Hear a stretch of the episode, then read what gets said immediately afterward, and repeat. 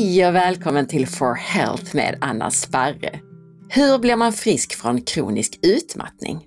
Angelica blev frisk från ME och utmattning. Här berättar hon om sin resa. Hur blev hon sjuk? Vad var orsakerna? Vilka symptom fick hon? Och framför allt, hur blev hon frisk? Det blir konkreta tips som alltid. Det här är ett avsnitt för alla för även om du inte själv lider av utmattning eller en kronisk sjukdom så kommer du bättre förstå de personer i din omgivning som är drabbade. På naturshoppen.se får du rabatt om du använder koden SPARRE. Hos Naturshoppen kan du köpa matbaserade högkvalitativa tillskott såsom mineraldroppar, torskleverolja, kapslar med lever från gräsbetesdjur och Adrenal Cocktail. Du får 20% rabatt på nyttoteket.se med koden SPARRE20. Hos Nyttoteket kan du bland annat köpa MCT-olja, kollagen, bärpulver och benbuljong i form av real broth, helt utan onödiga tillsatser. Jag finns på facebook.com forhealth.se och på Instagram som asparre. På forhealth.se böcker hittar du mina e-böcker och på forhealth kan du anmäla dig till nyhetsbrevet som kommer ungefär en gång per månad. Och du kan även gå min distanskurs om du vill få grunderna kring kost, hälsa och viktnormalisering. Och så kan du boka mig som föreläsare, både online och på plats. Jag är så tacksam om du hjälper till att hålla podcasten levande genom att dela med dig av avsnittet på Facebook, Instagram och till vänner. Bara att gilla inläggen när de fladdrar förbi i sociala medier hjälper massor. Och gå in och lämna en recension av podcasten i iTunes. Det hjälper så oerhört mycket. Tusen tack! Hej Angelica och välkommen! Hej och tack! Idag så ska vi prata på temat ME, CFS och utmattning och få höra om din personliga hälsoresa. Och tanken är att kunna ge både hopp och inspiration och tips till de som lyssnar. Men jag tänkte vi börjar lite i en annan ände, för i förra avsnittet så pratade vi ju med läkaren Cecilia Tibell om ME, CFS och utmattning. Så där går vi bland annat djupare in på vad det är, på symptom och orsaker och behandling och mycket annat. Men för de som inte har lyssnat där, kan vi kort förklara vad ME är för någonting? Ja, jag är kanske ingen expert på det, men eh, det är ju kronisk, man brukar kalla det för kronisk trötthetssyndrom. Eh, och många kan få det av olika anledningar och många har ju väldigt olika symptom. Mm. Så jag uppfattar det som att det är en diagnos där man hamnar när ingenting annat passar in. Mm, mm. Ja, ja jag jag håller med. och så finns det ju lite sådana här specifika symptom som man ska ha för att kunna få diagnosen ja. ME och då eh, för Försäkringskassans skull och så vidare. Men det pratar vi ju mycket mer detaljerat om då i det här förra avsnittet med läkaren Cecilia Tibell. Ja. Det namnet, svenska namnet kronisk utmattningssyndrom säger ju väldigt mycket i alla fall. Ja. Precis. Men vi vill ju höra nu om din resa för att ja, folk ska kunna relatera och, och, få inspiration och tips och så vidare från din resa. Så låt oss ta det från början. Så kan du berätta om din bakgrund? Vad hände och när och hur blev du sjuk? Ja, det är lite svårt att veta när jag ska börja, för så här i efterhand så startade det ju ganska tidigt. Men eh, det utlösande skedde väl för drygt sex år sedan. Då misstänkte jag väl att jag, någonting inte stod rätt till i kroppen. Jag började känna mig väldigt trött hela tiden och eh, jag började mer och mer gå på någon form av överlevnad. Det var som att jag skulle bara överleva dag för dag. Eh, och jag märkte det också väldigt tydligt. Jag var på den tiden. Jag jobbade heltid, jag hade två små barn och jag var gruppträningsinstruktör. Så jag märkte det väldigt tydligt på mina pass att kroppen orkade inte. Jag eh, fick börja maska lite på passen och jag fick otrolig mjölksyra. Jag återhämtade mig inte. Så där någonstans började jag väl känna att någonting är det. Mm. Och jag kunde inte riktigt eh, förstå vad det var, men jag började, jag tänkte sådär, ja, men jag kanske ska lägga om kosten och då var det många i min närhet och eh, så som hade börjat med LCHF och blivit så pigga och, och, och, så av det. Så då tänkte jag att ja, det kanske jag ska prova. Men det blev nog nådastöd. det var nog det som fick bägaren att rinna över för mig. Eh, det passade inte alls mig och min kropp och den situationen jag var i. Så att jag blev tröttare och tröttare och mattare och mattare. Men tänkte att ja, men det är snart sommar, semester, så att jag får snart vila. Mm. Och så var det sommar och semester, tänkte inte så mycket mer på det. Och sen när jag började jobba igen, då, då var det som att jag inte hade haft semester. Jag, jag var så där trött igen. Eh, och då pratade jag med min chef som sa du kanske ska gå till företagshälsovården och prata. Ja, det kan jag göra, tänkte jag. jag tänkte att de tar väl lite blodprover och så. Sen när jag gick därifrån eh, så var jag helt i chock för då så eh, hade de sagt till mig att eh, du ska vara sjukskriven i två månader, du är utmattad. Och jag förstod ingenting. Jag tänkte, va? Nej, jag, jag är ju inte den som, jag hade sett många runt omkring mig som eh, hade blivit det, men jag trodde inte jag var en av dem. Och då tänkte jag väl någonstans att ja, två månader, jag är tillbaka om några veckor. Hur gammal var du när detta hände? Då var jag 38, 37, 38. Mm. Men där var det som att stoppa ett skenande tåg, för efter det så den första tiden så började jag faktiskt må sämre och sämre. Då var jag mer som en, vad jag tror, klassisk utmattning. Jag var trött eh, och, och, kroppen sa ifrån. Men jag hade inte de här ME-symptomen då. Så jag var hemma och var sjukskriven ungefär fyra månader. Sen tyckte försäkringskassa, läkare och arbetsgivare att jag skulle börja arbetsträna. Jag kände mig inte redo för det, men ja, jag började på 25 procent. Vad, vad baserade de det på då? Eh, hade du blivit bättre?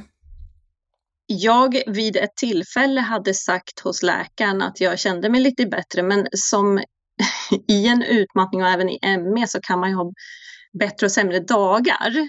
Och då eh, råkade jag gå till läkaren, eh, tror jag, en lite bättre dag eller kanske lite bättre vecka. Så jag tyckte väl att jag var lite bättre, men egentligen var jag ju inte det och jag hade inte fått någon hjälp med någon eh, ja, vad ska man säga, rehabilitering eller beteende, alltså ändra tankar och beteende och sådana saker. Så det, det, var ju som att bara gå tillbaka till där jag var innan egentligen.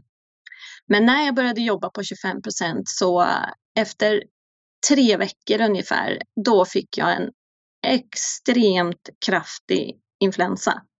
Och jag blev otroligt dålig, väldigt sänkt, helt sängliggandes och matt. Och det var, jag fick åka in till sjukhuset och lite fram och tillbaka där för att jag var så dålig. Och efter det så blev jag aldrig frisk. Så där någonstans tror jag att det som kallas ME kanske utlöstes. Det var det som fick bägaren att tippa över. Just det, och det brukar man ju prata om att det är virusutlöst. Precis. Ja, precis. Så efter det så gick jag med som en ständig influensa i nästan två år. Med den här verken i kroppen. Eh, dels eh, ont i leder men också nervsmärtor. det var olika typer av verk och viss verk vandrade runt. Eh, jag var mest i ett mörkt rum efter det. Jag fick ligga och samla kraft för att orka gå på toa kommer jag ihåg, för det var så här, åh nu skulle jag behöva gå men nej, jag måste vila lite till, jag väntar en liten stund till. Så då var jag helt utslagen. Mm. Men bakgrunden till allt det här, alltså du beskriver det som att du levde ett ganska vanligt, om vi säger jämför då med dagens samhälle här, ett ganska vanligt mm. stressigt liv, säger så. Mm. Mm. Särskilt för kvinnor. Det är också vanligt att kvinnor blir utmattade, ska jag ju tillägga, men, mm. men är det det som på något sätt initierade, eh, tror du, den här vanliga ja, det stressen? det tror jag, mm. för att om jag också tittar tillbaka, så redan som 20-åring hade jag magkatarr, vilket jag inte reflekterade sådär jättemycket över då. Eh, och sen så några år innan det här hände, när det utlöstes, så hade två stycken i min närhet gått bort. Så det var mycket händelser som kom lite sådär rad på rad. Eh, och jag stannade väl aldrig riktigt upp utan det var bara, det bara kördes på. Mm. Som man förväntas ja. göra idag. Mm. Ja, men precis. Mm. Och sen levde jag med otroligt mycket inre stress. Jag kanske inte var den som flängde runt mest om jag ska jämföra mig med någon, men i, jag var inte den som hade mest uppbokad almanacka, men jag hade otroligt mycket inre stress. Mm. Vilket jag tror är väldigt förödande för våra kroppar och vår hälsa. Vad menar du med inre stress? Ja, en känsla av att det snurrar inombords. Mm. Ehm, vissa kanske kallar det för någon lättare form av ångestkänsla. Men hela tiden känna att man inte riktigt kan slappna av eller det är liksom, ja, inte helt lätt att förklara. Nej, nej men jag, jag tror att många känner igen sig i det och att det kan ju vara att man förstorar upp saker, hur mycket man har att göra, att, att man går och, och liksom, att det gnager, att det ält, man ältar det eller det kan ju vara emotionella grejer och oro över småsaker och så. Ja, mm precis och det var en tid med mycket vab. Det var en tid där min man hade ett resande jobb och eh, jag älskade mitt jobb men jag var ju inte tillräcklig någonstans när jag behövde vabba och på den tiden så var det inte accepterat att jobba hemifrån. Eh, så jag var, eh, jobbade när jag vabbade och var inte, tyckte inte jag var tillräcklig egentligen för barnen men jag var heller inte tillräcklig på jobben för, för jag behövde vabba. Så att, mm. ja, som sagt, ett väl, kanske ett ganska vanligt liv för många mm. att ha stressen och pressen på sig. Precis, jag tror eh, många, särskilt kvinnor, och det är oftast kvinnor också som får ME, men att man har den pressen mm. på sig. För det är så man är uppväxt och uppfostrad av både föräldrar och samhället, att det är liksom prestation, prestation. Man känner att man inte ja. duger på något plan. vi, är Nej, inte, vi är inte riktigt gjorda att leva så här heller, så isolerat. Alltså att man, egentligen så borde vi ha stöd från flocken och ta hand om barnen ja. och så. Mm. Ja. Och det konstiga var att jag tyckte att jag mådde jättebra då egentligen, för jag hade jättemycket ork och jag som sagt var instruktör på kvällarna och eh, återhämtade mig jättesnabbt, behövde, tullade ju på sömnen då för att hinna med allt så att eh, behövde inte sova så mycket. Det enda jag visste är att om jag väl sätter mig ner, då, då däckar jag. Så jag hade ju taktiken att jag aldrig satte mig ner. Mm. Dåligt Ja, men jag tror att det är många som känner igen sig ändå. Även om det låter ja. som att man, bo, man borde ha förstått eller sådär, så, är det ju, så, så lever vi ju, ja. många av oss. Mm. Ja. Så att det började med trötthet och så, att du kände att du mm. hade mindre ork och sen efter den här, den här kraftiga influensan så var det som att då hade du mer de här typiska ME-symptomen med mm. värk och influensasymptom och ja. var, du mer, var du sängliggande till och med eller hur var det? Jag var väldigt eh, sängliggande. Jag hade extremt lite ork. Vi bodde, eller bor i ett tvåplanshus. Jag kunde inte gå ner i källaren i trapporna. Det hade jag inte ork till. Mm. Så det var nätt och jämnt att jag kunde gå på toaletten. Eh, som sagt, det fick jag samla kraft för att orka med. Eh, det som var frustrerande var att alla läkare sa, men ut på promenader, för de hade ju inte, de, jag hade fått min utmattningsdiagnos, så de eh, gick ju på den. Du är utmattad och då är det jättebra ut och promenera, så ut och promenera. Och jag försökte gå några steg ut, jag vet jag gick kanske 10-20 meter och sen tillbaka och sen fick jag sova i flera timmar. Jag var helt slut alltså. Ehm, och alla eh, vänner och släktingar runt omkring sa ja men ska du inte ta lite promenader och så. Men nej, det gick absolut inte. Mm. Jag känner redan att det här avsnittet blir bra för folk att förstå. Um, mm. För att det, många har ju någon i sin närhet som är drabbad av en kraftig utmattning eller ME. Mm. Mm. Men fick du någon diagnos? Inte mer än utmattningssyndrom. Eh, för att läkarna förstod aldrig. De sa Angelica, vi, jag vet inte vad vi ska göra med dig. Vi sjukskriver dig i tre månader till. Och så där höll det på. Eh, efter tre månader, efter tre månader, efter tre månader. Och till slut träffade jag en läkare som sa att vi ska skicka dig på en eh, ME utredning. Det är det enda vi har kvar. Så. Och då, då fick jag lite panik faktiskt. Eh, för jag tänkte det kändes som ändstationen. Att herregud, nej det här får inte vara något kroniskt. Som, så här kan det inte vara hela livet. Så att de skickade en eh, remiss för det. Som tur var i mitt fall så var det väldigt lång väntetid för att få en sån utredning. På den tiden var det ett års väntetid. Så under tiden så försökte jag ju med massa annat för att försöka bli frisk innan jag hann få den diagnosen.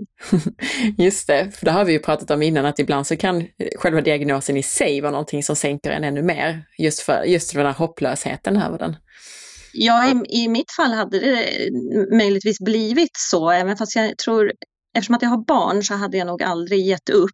Men eh, det är, för mig hade det nog blivit en betungande stämpel att i pannan liksom, nu är det kroniskt, nu är det så här. Mm. Medan för vissa det vet jag att det kan vara befriande att få en diagnos och, och få veta vad det är. Vi ska prata om det du sa som du då gjorde Eh, medan du väntade på den här utredningen. Men jag tänkte bara fråga också om hur du levde innan allt det här började. Alltså du beskrev ju stressen och, och vardagslivet, mm. men jag tänkte, mm. hade du någon särskild kosthållning? Jag förstår att du tränade ganska mycket, men beskriv lite om din, din livsstil innan allt började. Jag tycker att jag levde ganska sunt enligt eh, mitt tänk då. Eh, jag åt mycket hemlagad mat, men det var väl sån mat som man äter, eller många äter som eh, småbarnsfamiljer. Vi har spagetti och köttfärssås och korv och makaroner och så. Mm. Men eh, har alltid eh, hela min uppväxt tränat väldigt mycket. Så äh, träning har alltid varit en naturlig del av att jag ska må bra. Och jag har aldrig varit en sån som festar mycket eller dricker mycket alkohol. Utan jag tyckte ändå jag levde hyfsat sunt, inte perfekt på något sätt men, men nej, jag höll ingen kosthållning utan det var väl mer Mm. Och du sov på nätterna och gick inte och la dig jättesent och så, alltså du hade, du hade ganska vanliga vanor, eller hur? Ja, det hade jag, fast jag började ju tulla lite på sömnen för jag körde ju då en sån här en pass lite senare på kvällen och då eh, tar det en stund att komma ner i varv. Eh, och sen började jag ju väldigt tidigt för att få ihop eh, vardagspusslet. Så att, eh, jag sov nog lite för lite, men jag sov bra på nätterna. Det var inte så att jag låg vaken eller så, men jag sov kanske för få timmar. Just det. Mm. När vände det då? vad hände då? Ja, eh, jag provade ju ganska mycket olika saker, men vändningen kom ju när jag hittade till holografisk kinesiologi. Mm. Eh, då började min kropp äntligen att svara på behandlingen och där kom den stora vändningen. Mm. Och det är ju sån här HKT, alltså en form av kinesiologi som vi har pratat i en del avsnitt med Ulf Kilman om. Precis. Och var det Ulf du gick till eller vad hände? Nej, det var det inte, men det var på hans eh, klinik, men en av hans kollegor gick jag till. Mm. Och vad var det då, alltså vad, vad hittade de och vad ledde det till att du gjorde? Ja, i en sån behandling så tar man reda på vad kroppen behöver för att må bättre och ställer kroppens nervsystem till hitta. Så att, ja, vi hittade virus och vi hittade bakterier och vi hittade lite gamla vaccin som hade satt sig på tvären så det var en rad olika saker som behövde rensas ut helt enkelt. Det var lite som att skala en lök. Vi fick ta lager för lager för lager och för varje lager vi rensade ut, desto bättre mådde jag. Mm. Så du, känner, du tolkar det då som att det är det, alltså ibland så får man ju, jag gissar att du fick några tillskott också, B-vitaminer och liknande kan ju ofta hjälpa ME Eh, patienter till exempel. Men du tolkar det som att det är snarare den här rensningen av, av saker som, som inte skulle vara i din kropp? Ja, precis. Och för att rensa och få, för att få eh, olika hormoner och signalsubstanser att fungera ordentligt så behövs det oftast olika eh, vitaminer och mineraler och ibland örter för att rensa ut. Så det var ju en kombination av att eh, rensa ut och stärka upp men också få kroppen att förstå att hej hallå, det är det här du ska ägna dig åt nu. Du behöver ta tag i det här och få den kroppen att fungera igen. Mm. Och jag vet ju att du inte riktigt äter eh, makaroner och köttbullar längre. Var det i mm. den här vevan som du la om kosten eller hade du hunnit göra det redan innan du kom till? Det hade jag hunnit göra innan. Mm. Och vad var de viktigaste sakerna för dig i din kosthållning då, att, att ändra? Jag träffade en, en, innan jag hittade till det här holografisk kinesiologi så träffade jag en naturläkare som sa att ta bort gluten, mjölk och ägg på en gång det kommer göra dig gott. Och då, det lyssnade jag på, det tog jag bort på en gång. Eh, så att ungefär ett år innan jag började med holografisk kinesologi så hade jag tagit bort det, men jag märkte ingen större skillnad av att ändra kosten då. Eh, troligtvis för att min kropp också behövde hjälpen att dels förstå att jag hade slutat med allt det här, att liksom få igång nervsystemet igen, men också eh, för att jag hade så mycket belastningar i kroppen så det var tvunget att rensas ut också. Mm. Däremot så tror jag att, eh, för när jag väl fick hjälp genom holografisk kinesologi så eh, gick det ganska fort. Inte fort som på över en dag, men som på ett halvår i alla fall. Och då tänker jag att det kanske var en bidragande orsak till att det gick så fort för att jag faktiskt hade ställt om kosten redan.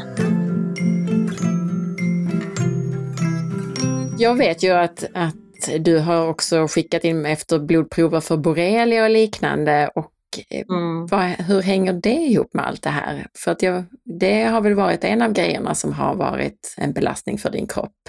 Ja, precis. Och det var en tanke som väcktes i mig ganska tidigt när jag hade all den här, ehm, då efter den här influensan, när jag hade all den här verken, eh, så hade jag en känsla när jag låg i mitt mörka sovrum att jag tror ta mig tusan att jag har borrelia. Jag vet inte var jag fick tanken ifrån riktigt utan det var bara någonting, eh, jag kände det på mig. Eh, så att jag eh, tog ju kontakt med min läkare och sa det att eh, jag vill göra ett borreliaprov. Men då sa de bara att nej, nej men Angelica du, du är utmattad, du, det, det gör vi inte.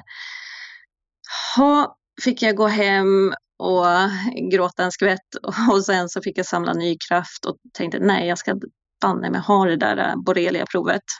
Så jag gick tillbaka och sa men snälla kan ni inte ta ett borreliaprov?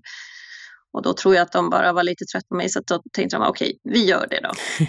Så tog de ett sånt prov och eh, jag fick svar tillbaka att eh, nej Angelica, du har ingen borrelia. Så tänkte jag, fasiken också, hade jag, hade jag så fel? Kände jag så fel? Ja, okej. Okay. Så kan det ju vara. Ehm, och när man ligger hemma och är sjuk så pass länge så man försöker verkligen att hitta vägar och man försöker googla och man gör allt. Men sen så helt plötsligt så dyker ju Gunde Svan upp på tv när han är hos, hos David Helenius på den här um, Helenius hörna. Mm. Och då berättar ju han om sin sjukdomshistoria när han hade tvar. Och Gunde som är så pass vältränad, han var ju helt slut. Han orkade inte gå i trappor och han orkade heller knappt gå på toaletten. Så när han beskrev sina symptom så ja, jag kände igen mig så otroligt mycket. Kan vi bara i, som en paus bara förklara ja. för lyssnarna vad TVAR är för någonting? Mm. Eh, TVAR är ju, sätts ju på lungorna och det var ju ganska många orienterare som fick det på, tror jag, kanske 80-talet eller något sånt. Mm. Men det är en eh, sjukdom som sätts på lungorna. Mm. Och då tänkte jag, ja, det kanske är tvar jag har. Så då sprang jag tillbaka till min läkare och sa, hej, hej, nu är jag här igen, nu vill jag att ni testar tvar. Och så sa de, ja fast det där det är bara, det är bara orienterare som får så det, det kan inte du ha. Jag bara, nej men kan vi testa? Och så testade de och då visade det sig i alla fall att jag hade haft, de kunde inte se på proven att jag hade en pågående infektion, men de såg att jag hade haft det.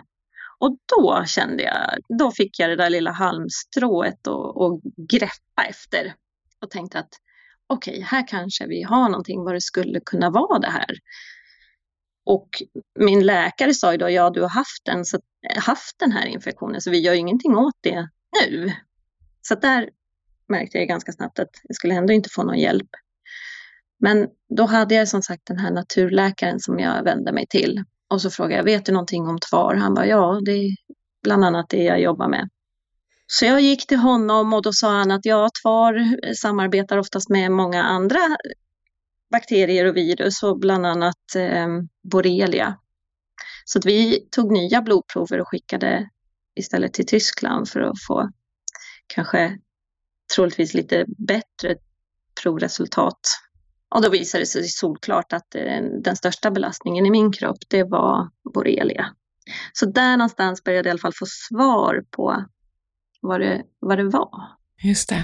Så att eh, om man tänker tidsmässigt så kan du ha haft en borrelia-infektion för länge sedan, alltså att du, att du fick borrelia mm. av en fästing för länge sedan och sen fick du en infektion som man, kanske var kvar då när du trodde du hade influensa eller var det något? Precis. Mm. Troligtvis har jag haft borrelian väldigt länge, kanske 10-15 år innan och så har det legat lite låggradigt och brutit ner och brutit ner och brutit ner sakta men säkert för att borrelia är väldigt duktig på att gå in och gömma sig med möjliga olika ställen.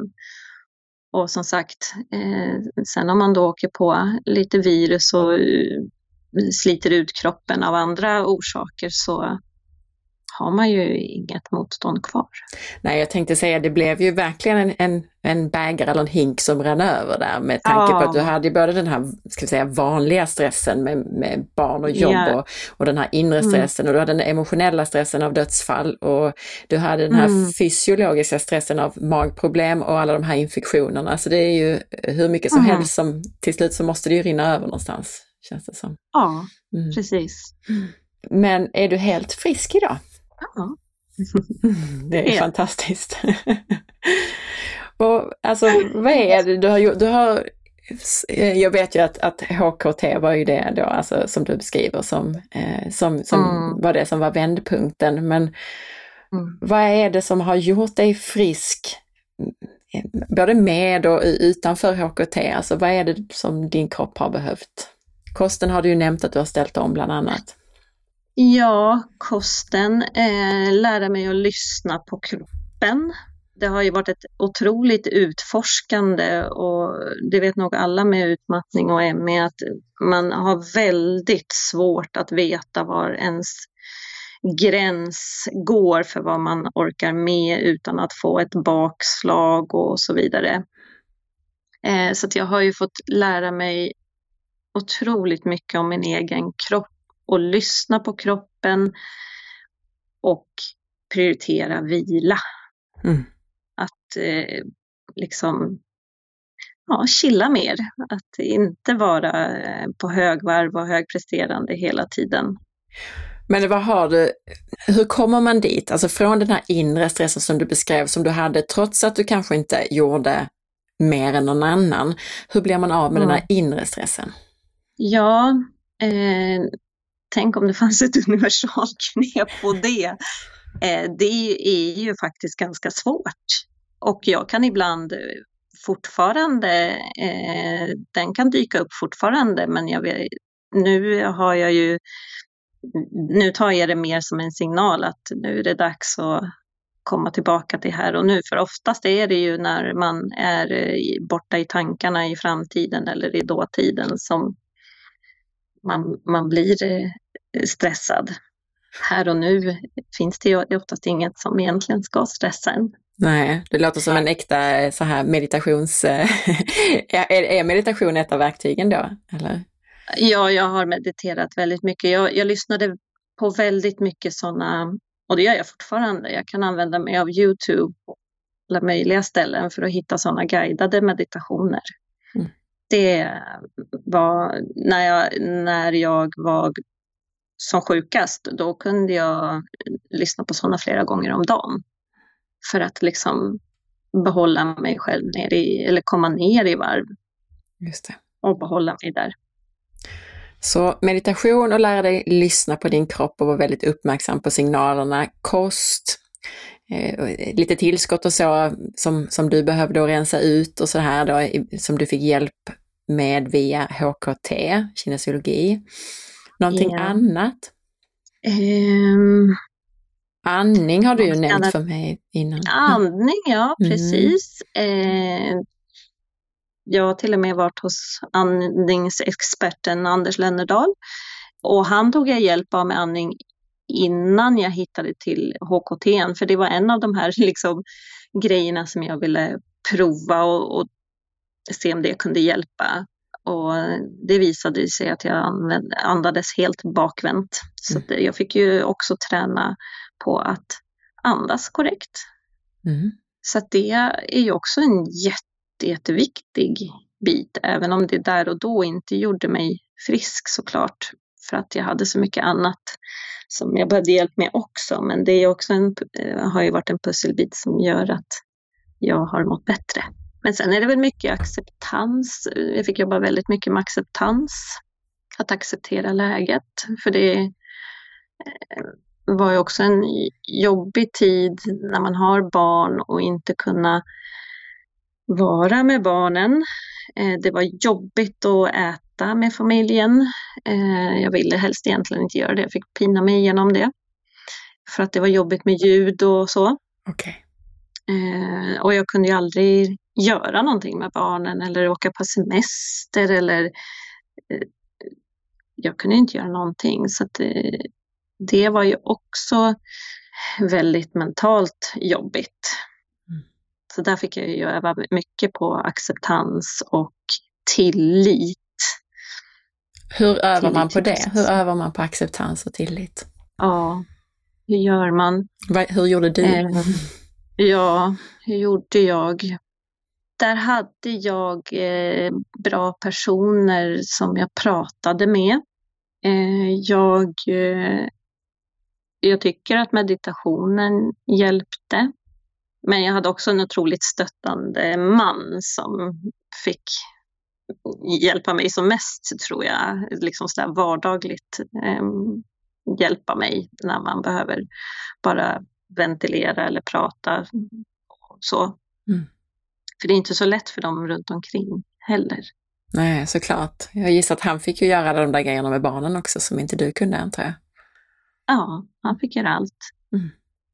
Men det, det var lättare med tillit och acceptans när jag väl hade kommit någonting på spåren, att jag, jag förstod, okej, okay, borrelia är en stor bit i det här och sen när jag väl hittade till det här med eh, kinesen, HKT, så blev det lite lättare för då, då, då, var, då var jag ändå inne i en process där jag mådde bättre och bättre.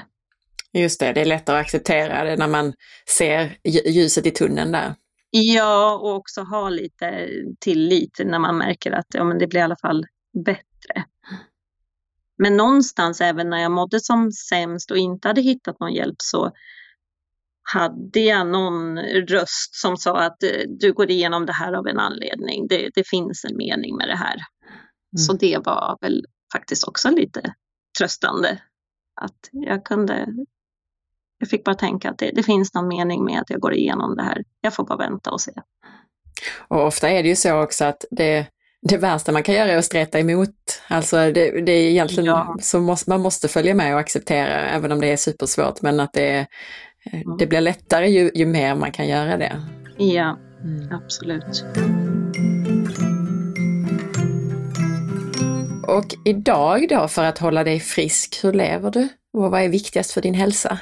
Um, viktigast för mig är att jag eh, lyssnar på mig själv och prioriterar mig själv. Och vad kan det innebära att du, du prioriterar dig själv? Det innebär ju att dels att jag eh, unnar mig bra mat, att jag eh, ser till att jag, jag tar den vilan när jag behöver vila, även om jag kanske hade planerat in någonting annat att inte så fort jag får känslan av, för jag är en, en tjej som gillar att prestera och jag har ett starkt driv, så den får jag, jag fortfarande se upp lite med. Så att när jag hör mig själv tänka att eh, nu lägger vi en växel till, vi kör lite till. Mm. Då, då vet jag att nu, nu ska jag vila. Mm. Jag ska inte köra lite till. Så att jag verkligen ser till att jag får den återhämtningen som jag verkligen behöver. Så jag prioriterar sömn och sen så tar jag regelbundet eh, fortfarande behandlingar för att hålla mig frisk. HKT då menar du? HKT-behandlingar, ja precis. Mm. Eh, och jag äter stöttande eh, kosttillskott mm. eh, för att eh, vara säker på att jag får i mig tillräckligt med eh, vitaminer och mineraler och så.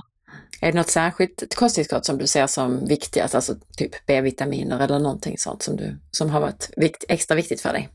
Ja, jag skulle säga att det, det är ett preparat som heter Glow som vi som HKT-terapeuter jobbar med. Mm. Det är ett eh, ett sånt där greenspulver kan man väl kalla det för? Mm. Precis, som är väldigt stöttande för levern och som har en väldigt, eh, för mig, eh, har, känner jag verkligen av att det har en eh, effekt på eh, orken och att det är lite uppiggande. Mm. Och jag kommer ihåg första gången jag fick behandling så skulle jag ta det fem gånger om dagen. Oj. Det tyckte jag var otroligt mycket. Ja. Men jag, det var som att jag bara längtade tills nästa gång jag skulle få ta det för då fick jag en liten, liten skjuts eh, att orka några timmar till nästa gång jag skulle ta det här. Så jag märkte verkligen av hur det bara rann ut i kroppen och gjorde nytta. Mm. Och det kan vi säga till lyssnarna, alltså det är ju saker som eh, alltså spannmålsgräs, typ vetegräs och spirulina och eh, blåbär och sånt i det pulvret. Precis, mm. och mycket grönbladiga växter. Och med kosten, är det fortfarande det som är det viktigaste, att du undviker gluten, mejeriprodukter och ägg, eller är det något annat? Ja, och eh, socker såklart. Men sen eh, undviker jag ju en hel del annat också. Men jag tycker om man inte har tittat in på kosten någonting så tycker jag att det är de som är viktigast ändå. Och vad är det viktigaste att äta mer av istället? Eh, gärna grönsaker, ekologiska och mycket bär är mm. superbra. Mm. Jättebra. Ja. Så kan man öka på det så är det fantastiskt. Precis. Mm. Eh, jag ska komma ännu mer till eh, lite konkreta tips till lyssnarna, men jag tänkte, som vi pratade om med Cecilia i förra avsnittet, så finns det många orsaker till att man drabbas av ME. Eh, eftersom ME mm. är som en, man diagnostiseras ju utifrån symptom. Och inom funktionsmedicin och alternativmedicin så har vi ju i regel fokus på att hitta grundorsaken till problemet. Vad säger du om det och vilka orsaker ser du bakom ME du som nu är lite insatt i det? Ja, eh, jag är eh, lite insatt i det för jag har ju dels haft det själv, även om jag inte hann att få själva diagnosen. Ehm, för det kan jag ju tillägga att när de skickade ju den här remissen förresten för att utreda mig för ME. Mm. Men när de hörde av sig efter ett år och sa att hej Angelica, nu är det dags för dig att utredas för ME, då, då var ju jag redan frisk. Mm. Så jag, slapp, jag kunde ju bara säga att nej tack, jag lämnar den platsen till någon annan. Men eh, nu ska vi se vad vår fråga jo, vad du säger om orsaker bakom ME, alltså vad du har sett. Ja, precis. Och, ja. Mm. Eh, ja, men jag har ju haft det själv och för mig tror jag en väldigt stor orsak var borrelia. Eh, men jag hade också mycket annat i form av virus och bakterier och kemikalier i kroppen. Och nu har jag också fått möjligheten att hjälpa andra med ME och det är ganska olika saker som dyker upp i en sån här behandling. Så det är ganska individuellt vad som dyker upp. Mm. Så jag har, jag har inget eh, sådär att svar på att det, det, så här är det för alla. Däremot så misstänker jag, utan att hunnit forska på det här eller någonting, så misstänker jag att borrelia kan vara en orsak till att man får det. Mm. Att det var det för mig, jag tänka mig att det är det för andra också. Precis, och jag har hört, jag har själv inte hittat själva studien, men jag har hört någon nämna, nämna att eh, när man väl har testat borrelia i ME-patienter så har man hittat det i, i de ja. flesta. Så, jag har också sett någon sån studie. Precis. Ja, ja men precis, så mm. att eh, det, det kan ju stämma. Och jag menar, jag tror också, de jag har jobbat med och pratat med, då har det ju också ofta varit lite grann som i ditt fall, att det är den här hinken med massor med grejer. Sen kan det ju ja. vara borrelia och andra infektioner som får det att tippa över, men mm. att det är massor med källor till stress. Eh, ja. Egentligen då, både fysisk, alltså fysiologisk stress och mental stress och så vidare. Ja. Mm. ja. Eh, en annan sak är ju det här att, att om man då är utmattad eller till och med har ME så kan ju, precis som du vi var inne på innan, en del känner att loppet är kört och vården har ju ja. inte direkt någon lösning på det. Och vad vill du säga till dem som känner så? Och jag bara vill ge ingjuta så mycket hopp som möjligt att loppet är verkligen inte kört. Däremot som du säger, sjukvården har begränsade möjligheter att hjälpa till, men det finns andra vägar att gå, så ge verkligen inte upp. Mm. Bra, och det är så fint att ha med det då som, ja men faktiskt inom loppet av ett år i, i stort sett blev frisk. så det är ju, det är fantastiskt. Precis. Ja. Men jag tänkte, och idag kan jag arbeta heltid. Ja, wow. Mm. Så, så att, ehm, mm. Men du har ju ett annat jobb idag kan vi ju säga. För vad jobbade du med tidigare innan du blev sjuk? Då eh, var jag projektledare kan man säga och sen om jag har förstått det rätt sen så, så eh, den här fantastiska vändningen som du fick då via eh, kinesiologi och HKT, att det, det gjorde att du idag faktiskt arbetar med det själv. Ja, precis. Mm. För i, i, i början när jag började bli friskare, då började jag nästan bli lite arg för jag tänkte, men herregud, varför har ingen berättat om det här, att det här fanns, när det här kunde hjälpa? Så jag började bli lite arg och sen så den ilskan vände väl till att ja men gud, jag, jag ska lära mig det här så att jag kanske kan hjälpa någon annan som inte får, som också hamnar lite snett mellan alla stolar och inte får den hjälp de behöver.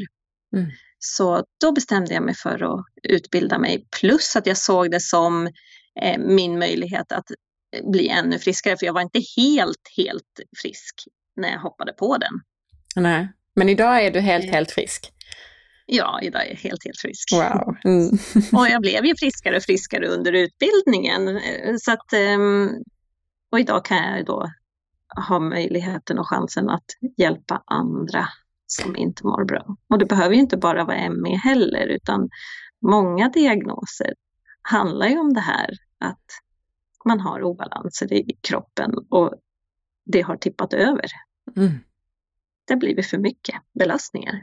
Och jag tänker också, nu, nu pratar vi om HKT och jag nämnde kort att vi har ju pratat om det med Ulf Kilman tidigare i tidigare avsnitt och eh, vill man veta vad det är så kan man lyssna på vårt för, första avsnitt som vi gjorde i avsnitt 288 där vi förklarar väldigt konkret vad det är. Men summerat kan man mm. väl säga att man, man faktiskt kommunicerar med kroppen via nervsystemet och att olika man gör olika muskeltester för att kroppen och musklerna blir ju svaga och starka på olika sätt beroende på hur man reagerar på olika saker och så vidare. Ja, precis. Och på så sätt kan man läsa av massor av information eh, som kroppen kan ge en.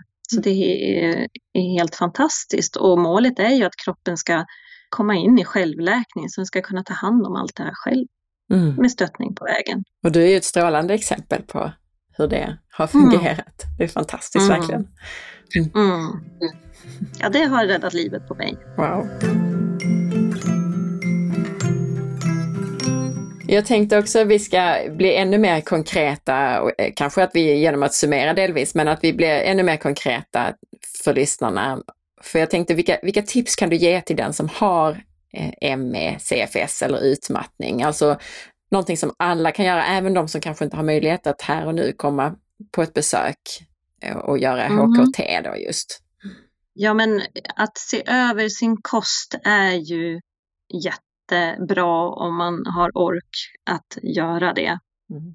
Eller kanske att man till och med får be någon i sin närhet att hjälpa en med det, för det är inte säkert ens att man orkar sätta sig in i det. Men det är ju såklart att så mycket som möjligt skala av sånt som skulle kunna belasta en och då är det ju bland annat som vi pratade om viss typ av kost eh, som gluten och mjölk och ägg som belastar kroppen väldigt mycket. Så kan man ta bort det så undviker man i alla fall att belasta kroppen ännu mer. Just det. För de livsmedlen kan ju skapa inflammation framförallt hos väldigt många av oss. Så att det är, ja. mm, det är såklart belastande. Alltså den här kroniska inflammationen som det kan, kan bidra till. Ja. Ja. Mm. Och sen tror jag så här, lita på sin inre röst som eh, om du har en känsla av att eh, du faktiskt inte orkar promenera fast alla runt omkring dig säger det så ja, då kanske inte du ska göra det. Eh, även om det, jag förespråkar ju egentligen att röra på sig, det är ju självklart jättebra men det går inte ibland. Nej. Men rörelse för en del kan ju också vara att man ligger och rör sig lite grann till exempel. Exakt. Mm. Och för mig blev det ju andning, det var min träning, att andas. Så det fick ju vara min rörelse mm. Eh, under en lång tid. Jag skulle också rekommendera att om man har möjlighet att man faktiskt, även om man inte vill ut och gå, att man ändå kommer ut i dagsljus, skulle mm. jag säga. Så att eh, mm. även om man är stilla ute. Ja, absolut. Det är ju superbra. Och andningen nu som du nämner, du sa ju det här att du andades fel och att du fick övningar för att andas rätt. Finns det någon övning som gemene man kan göra som du har tips på för att eh, det är säkert många, och det vet jag, vi har haft Anders Lönedal här i podden också, att det är ju många som andas ja. fel. Har du tips ja. på en övning som man kan göra? Ja, eh, absolut. Att bara att bara egentligen observera sin andning och se vart den är någonstans. För att många gånger är den väldigt högt upp. Så bara andas ner i magen och, och dra djupa, djupa andetag. Det är ju en jättebra start. Och sen så kan man även försöka andas som änglavingar. Att man liksom andas också ut vid eh, bröstkorgen och revbenen så att man också andas ut lite på sidorna och inte bara att magen går upp. Just det, ehm, gälarna där. att man ja, exakt. Precis, Nej, men det är många som blir väldigt stela. Har man andats fel länge så, så är man oftast väldigt tajt i, i bröstkorgen. Så att, då får man stretcha mm. inifrån helt enkelt, andas djupa ja, i andetag. Och... precis. Och det masserar ju faktiskt eh, organ allt möjligt invändigt. Så det är jättebra att djupandas. Mm. Mm. Så kost, lyssna på, på kroppen vad den orkar, andning, försiktig rörelse, även om man måste ligga mm. still och göra den här försiktiga rörelsen. Dagsljus mm. nämnde jag. Mm. mm. Någonting annat? Mm. att försöka komma ner i varv på något sätt eh, och jobba med om man har en mycket inre stress eller oro och tankar att eh, försöka jobba med det. Det finns poddar att lyssna på och du har säkert intervjuat någon jättebra Ja, det finns också avsnitt kring mindfulness många... och allt möjligt. Ja, precis. Ja, mm. precis. Att man kan hitta så mycket faktiskt gratis. Mm. Eh. Jag tror vi har en övning i avsnitt 42b och så en som jag tror ligger i avsnitt 19. Där finns det korta övningar som, mm, som, man kan börja med. Jag har också eh, lagt upp massa sådana här från Youtube som jag tyckte var bra, som jag lagt upp under taggen meditera på forhealth.se också. Så att, ja, ja. där kan man börja. Ja. Och sen försöka Eh, även om situationen inte är rolig alls, försöka hitta något glädjeämne varje dag och göra någonting som man tycker är kul. Det kan ju vara allt från att titta på något fånigt på Youtube som man börjar skratta eller titta på någon stand-up eller faktiskt göra någonting så att man eh, blir lite glad. Mm. Det är så att... lätt att man bara tycker allt är eländigt. Precis, och jag tycker att alla oavsett hur sjuk eller frisk man är bör ha en sån här må bra-lista med små och stora saker som man blir glad och mår bra av. Och så kan man ta något ja. från den listan varje dag, även om det, man inte har tid eller ork att göra de stora grejerna så kan man göra något pyttelitet. Om det nu är att eh, mm. ja, ta en ny tandborste eller bada eller måla tånaglarna, jag vet inte, men, men någonting ja. sånt. Mm. Verkligen, superbra. Sen då, behöver man ofta, jag måste, ska nästan tillägga det, jag tror man behöver verkligen hjälp av någon. Som sagt, HKT har hjälpt mig jättemycket och det finns säkert andra alternativa terapeuter som kan hjälpa till. Men jag tror man behöver hjälpa kroppen att komma, eh, stärka upp kroppen och komma ett steg längre. Ja, jag tänker så också att när det har gått så långt så att man, man har fått mm. ME och utvecklat ME så är det nog så att det är så mycket som ligger och belastar och, och kroppen är så trött att den klarar inte det helt själv utan att man hjälper Nej. den på traven. Men jag tänker alla de här tipsen som vi pratar om nu, alla de Uh, vi kanske ska säga till och med, som är på väg dit, uh, att få en utmattning eller att, att till och med då få mm. ME, CFS, att man att, att det här kan ju vara det som vänder förloppet, att man om man känner att man är lite grann i riskzonen, att man, man eh, är lite trött eller man har stressat väldigt mycket och haft mycket belastningar på kroppen, att man ja. tänker på alla de här sakerna så kanske man kan vända förloppet. Verkligen. Mm. Ja, och idag så, så jobbar du med HKT som vi kom in på också. Var mm. hittar man dig och dina kollegor? Ja, mig kan man hitta på eh, Kilman Health som ligger på Ekerö. Jag jobbar ju tillsammans med Ulf Kilman och vi är några te fler terapeuter som arbetar här. Så här kan man hitta mig om man vill, eh, är nyfiken på HKT. Mm. Sen så har jag även en mottagning i, i eh, Nykvarn, eller ligger mellan Järna och Nykvarn. Eh, som heter Hälsohemmet. Så där är jag två dagar i veckan. Så där kan man även hitta mig, där jag utför HKT-behandlingar. Ja, eh, och då det, har du någon hemsida för det? Precis. Eh, Kilman Health är då kilmanhealth.com och jag i Nykvarn heter jag Hälsohemmet så då är min hemsida halsohemmet.com. Okej. Okay. Jättebra. Är det någonting eh, som du tycker att vi har missat att prata om idag? Ja, men en sak som jag kan lägga till det är ju det här hur det blev sen med borrelian och provsvaren som jag fick från Tyskland. För där visade det som sagt att jag hade borrelia, jag hade tvar, jag hade en massa andra knepiga virus som hade satt sig på nervsystemet. Och det var ju en otrolig lätt lättnad att få de svaren och att jag faktiskt hade känt rätt redan från början när jag tjatade på mina läkare. Så nu sprang jag tillbaka till min läkare och sa, titta, titta, nu har vi ett svar på varför jag mår så här. Och så visade jag de här äh, proverna från Tyskland. Men läkaren bara tittade på dem och sa att nej, det här är ingenting vi kan ta ta hänsyn till. Det här är ju tyska prover. Så att, tyvärr Angelica, du, du får gå hem igen. Så där slogs ju benen undan ytterligare en gång. När jag fick de här provsvaren så hade det gått ungefär ett år sedan jag hade den här influensan. Så jag hade gått ett år ungefär med de här äh, ME-symptomen. Så att nu, nu började jag ju försöka hitta alternativa vägar för att få hjälp med det här. Och det var en lång och snårig väg, för det, det var väldigt svårt för att de som jag träffade, de ville alltid direkt gå på och behandla borrelian. Och det är inte så konstigt eftersom att vi visste ju att jag hade det, men problemet var att min kropp orkade inte med det, för det var alldeles för tufft. Det, det, det är tufft för kroppen att, att rensa ut borrelia. Så att jag blev nästan sämre för varje gång jag träffade någon ny, ny terapeut inom olika saker.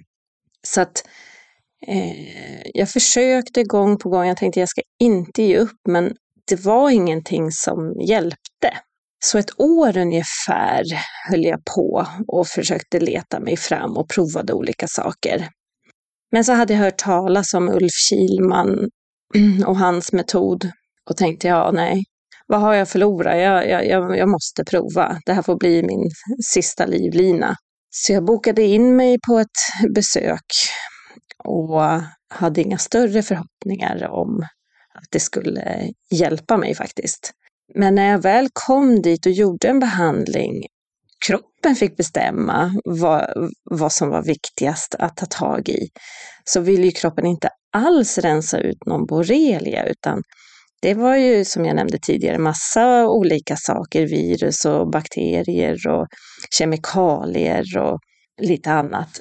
Så att då började kroppen må bättre och bättre. Jag blev piggare och piggare och jag blev av med mina influensasymptom och verken började försvinna.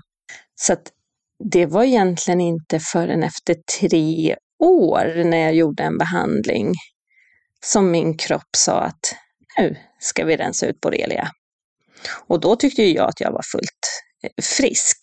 Men då hade min kropp tillräckligt med kraft och energi att rensa ut borrelian. Så det är det som jag tycker är så fantastiskt med eh, den här HKT-behandlingen, att man går verkligen efter vad kroppen vill, kan och klarar av för att må bättre. Och så får man skala den här löken. Men kanske bara en extra gång sådär, det är inte kört. Att inte ge upp.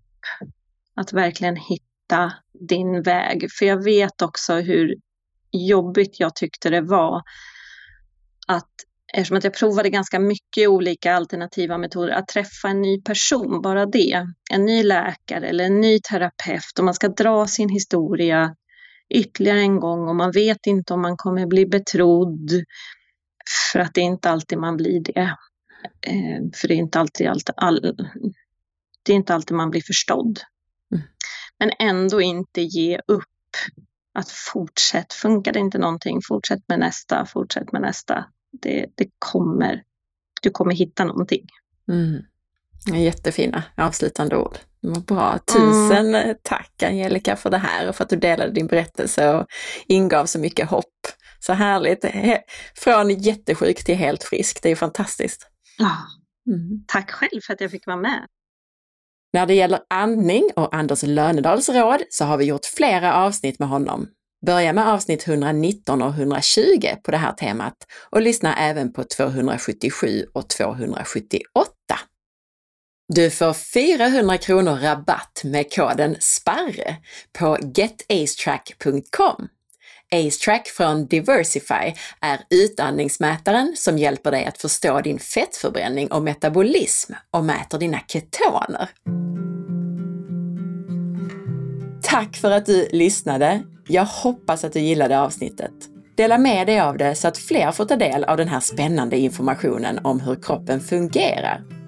Är du ny med att lyssna på podden? Missa då inte avsnitt 300 som heter Börja här.